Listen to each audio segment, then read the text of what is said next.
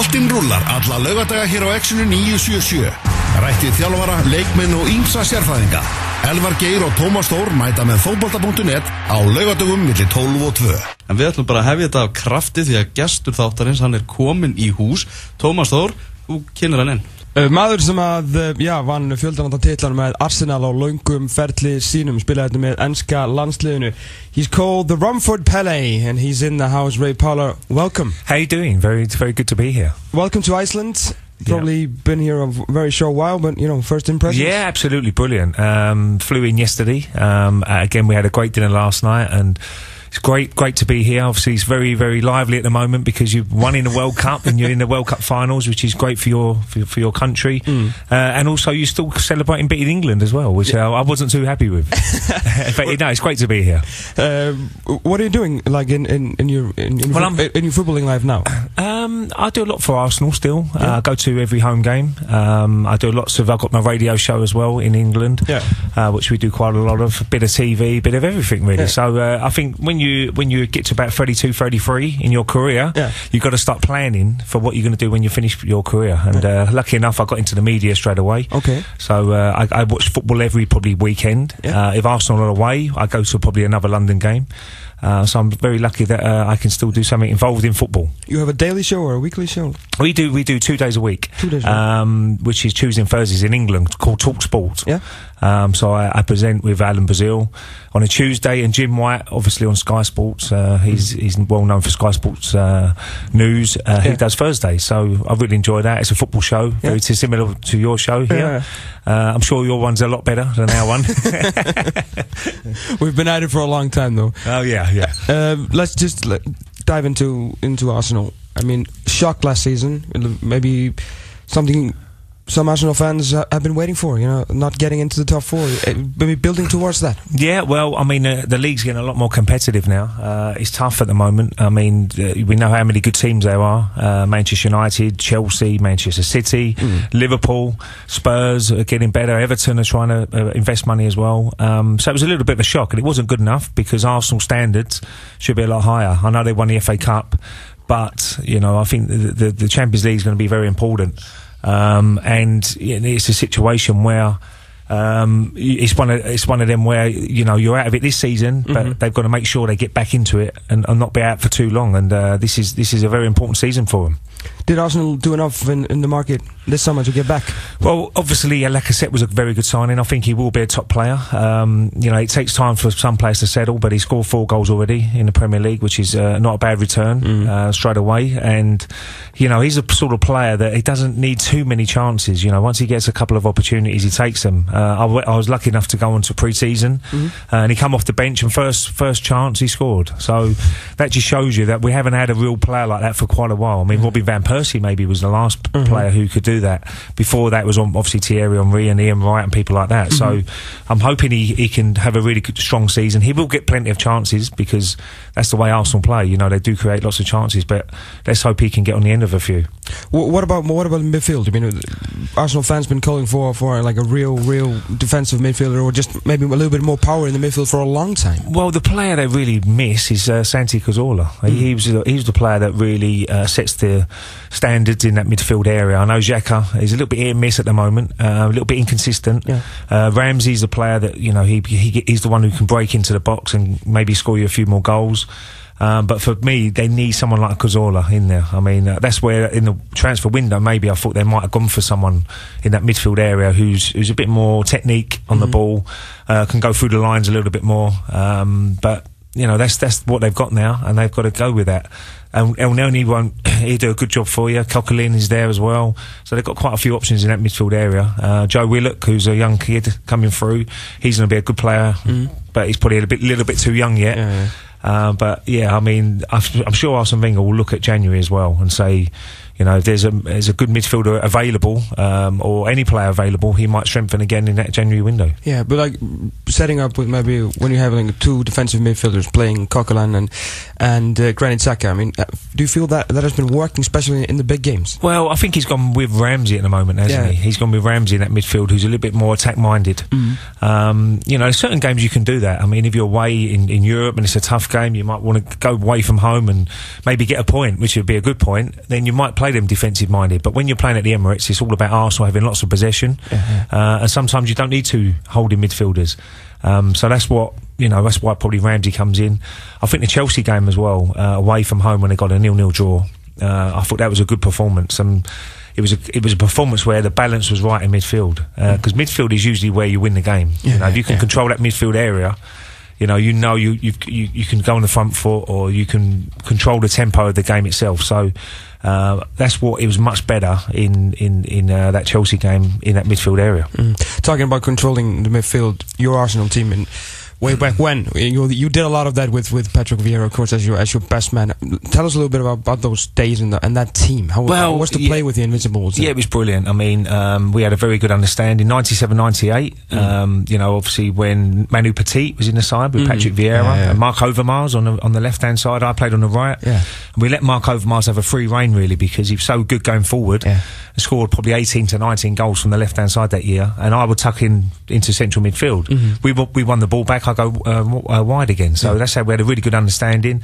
And obviously moving forward, then uh, Gilberto Silva come into the club uh, in midfield. Edu was there as well, but we had lots of lots of very good midfielders. And Patrick obviously was the main man in, in central midfield. He was a skipper uh, from 2002, um, and he was a great guy as well. I mean, he was a, it was always a big big battle in midfield. I mean, especially against Manchester United, Yeah. that was our big game because. If we can, if we could get four points out of Manchester United uh, in the two league games, then we, we we thought we could win, definitely win the league. And you know, their midfield was very strong. Yeah. Giggs, uh, Roy Keane, Paul Scholes, David Beckham back in the day. So Mm. that was always the big game for us, uh, Old Trafford especially.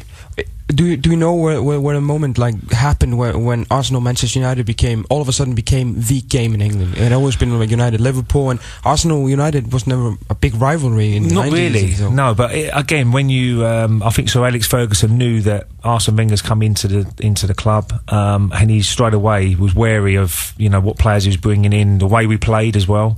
Um, so that that was the rivalry between both managers. Uh, they had a few mind games as well with Sir Alex and Arsene Wenger.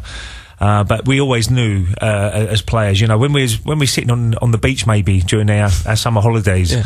getting ready to go back to pre-season, when the fixture list come out, Yeah. the first games you look for, it wouldn't be Tottenham, it wouldn't be a North London derby, it wouldn't No. be Liverpool, it would always be Manchester United. Yeah. Especially a away game, maybe you play them at March time, and that could be the decider. And going back to 97, 98, when we went to Old Trafford, we was a long, long, probably 12 points behind. Uh, but we knew this game, if we could win this one, we had a couple of games in hand, then we, we should hopefully go on to win the title. And we certainly went up there to Old Trafford and beat them 1 0, uh, Mark Overmars scoring. And we, we obviously went on to win the league very comfortably in the end. this this rivalry, you know, this was just hatred. I mean, seeing the guys just in the tunnels, the famous incident with with Keane Vieira, Yeah. and just and of course your famous incident in, in 2004. I mean, Hmm. th- this was just footballing hatred. I don't think it was hatred. I think it was respect as well. I Well- mean, eh, every, every single player played in that game as winners. Yeah. You know, no one wanted to lose. No. And that's how competitive it was.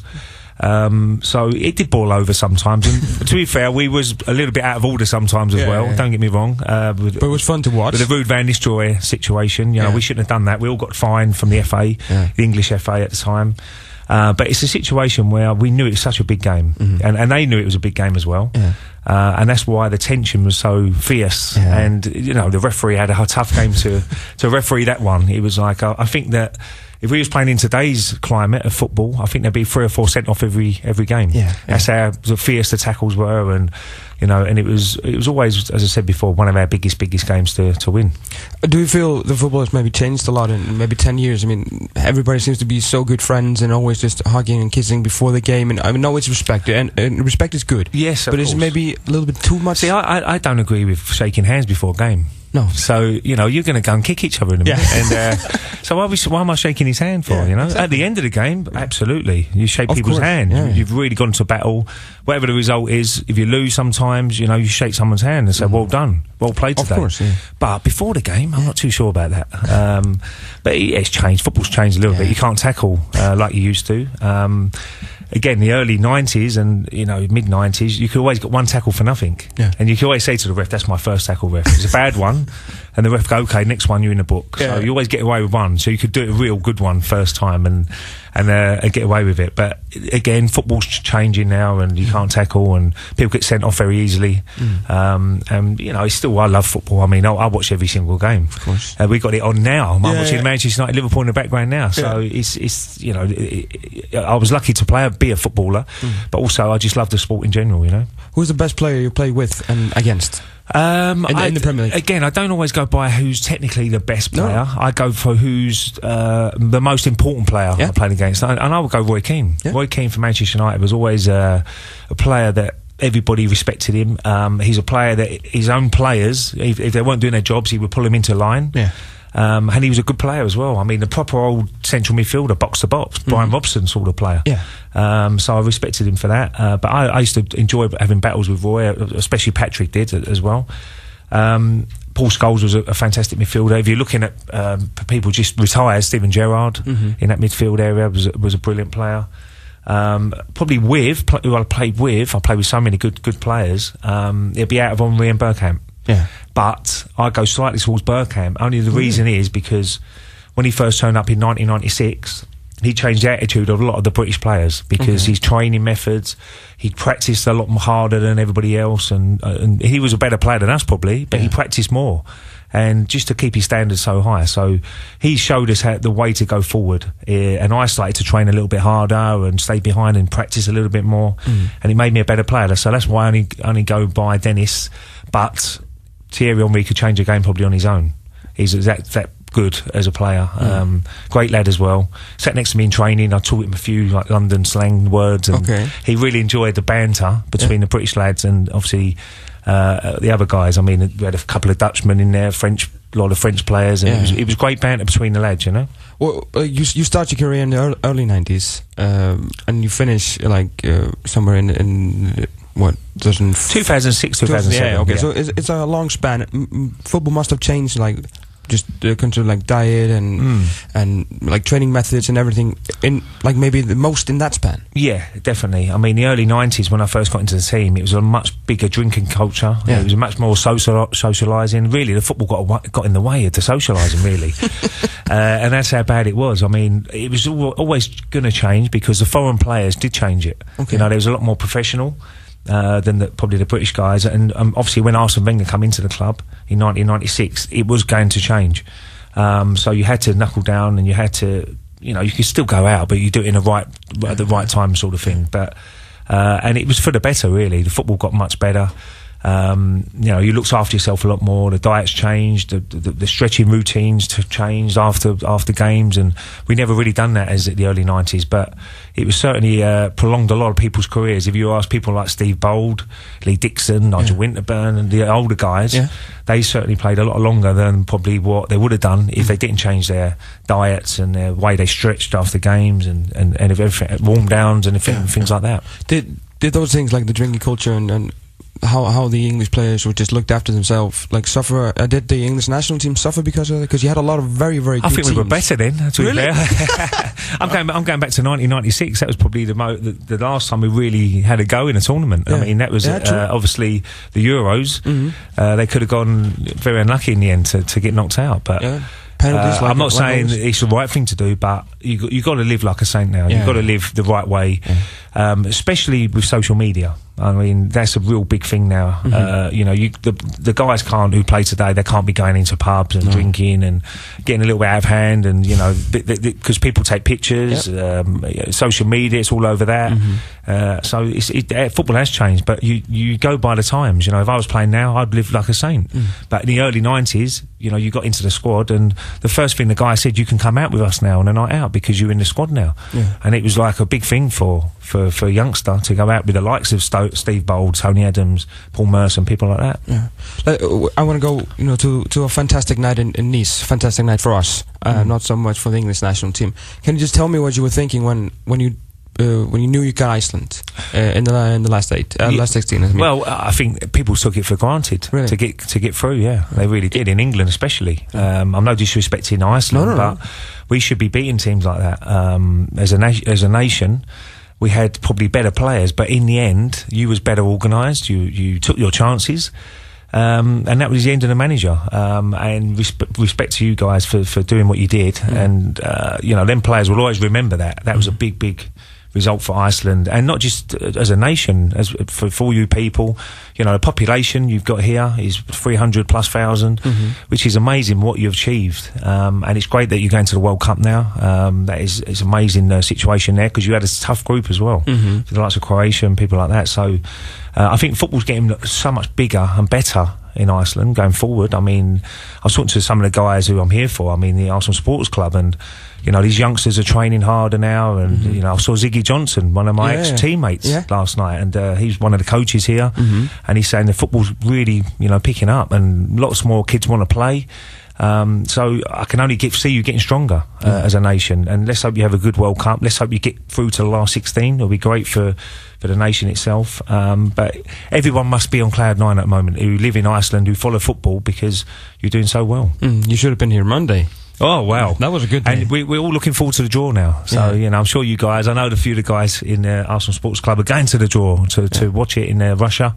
We're, we're just uh, hoping to get England. Yeah, well, you, you, you'll, you'll definitely beat England, I'm sure, because uh, you've got one over them already, and uh, Yeah, they'll be nervous playing against you guys. And uh, it's, it's going to be an amazing World Cup. Let's hope it's a really good one in Russia. What do you, what did you think about like the next two hirings of, of the English manager? I mean, it didn't work with Roy Hodgson. No. Uh, then, but you're still going England, still going kind of. I know, okay, Gary Southgate, uh, Southgate is maybe the new school, but it's kind of still England. Or, are, Yeah, are, think- are you for that, or do you want to see another? I think a lot of guys want an English manager Yeah, you can. okay. Uh, but you've got to get the right English manager. Obviously, Gareth has had his, uh, his spell with the under 21s. He knows the youngsters very well. Um, and there wasn't really anybody else. I mean, I, I would love to see Sam Allardyce have a go. Yeah. Um, because I think he has the, uh, the experience and he can get the best out of the players. He gets a lot results. Of, a lot, yeah, exactly. A lot of a lot of the England manager, it's all about man management. It's how you treat the players because they're all good players. We know they're a decent standard, but it's how you get the best out of them. Probably going back in, in the day, I mean, the best manager would have I would have picked was Harry Redknapp, but obviously the FA didn't want to go along that that route. Um, but he would de- get the best out of the players. He was he was that sort of guy that he's a man manager uh, who could.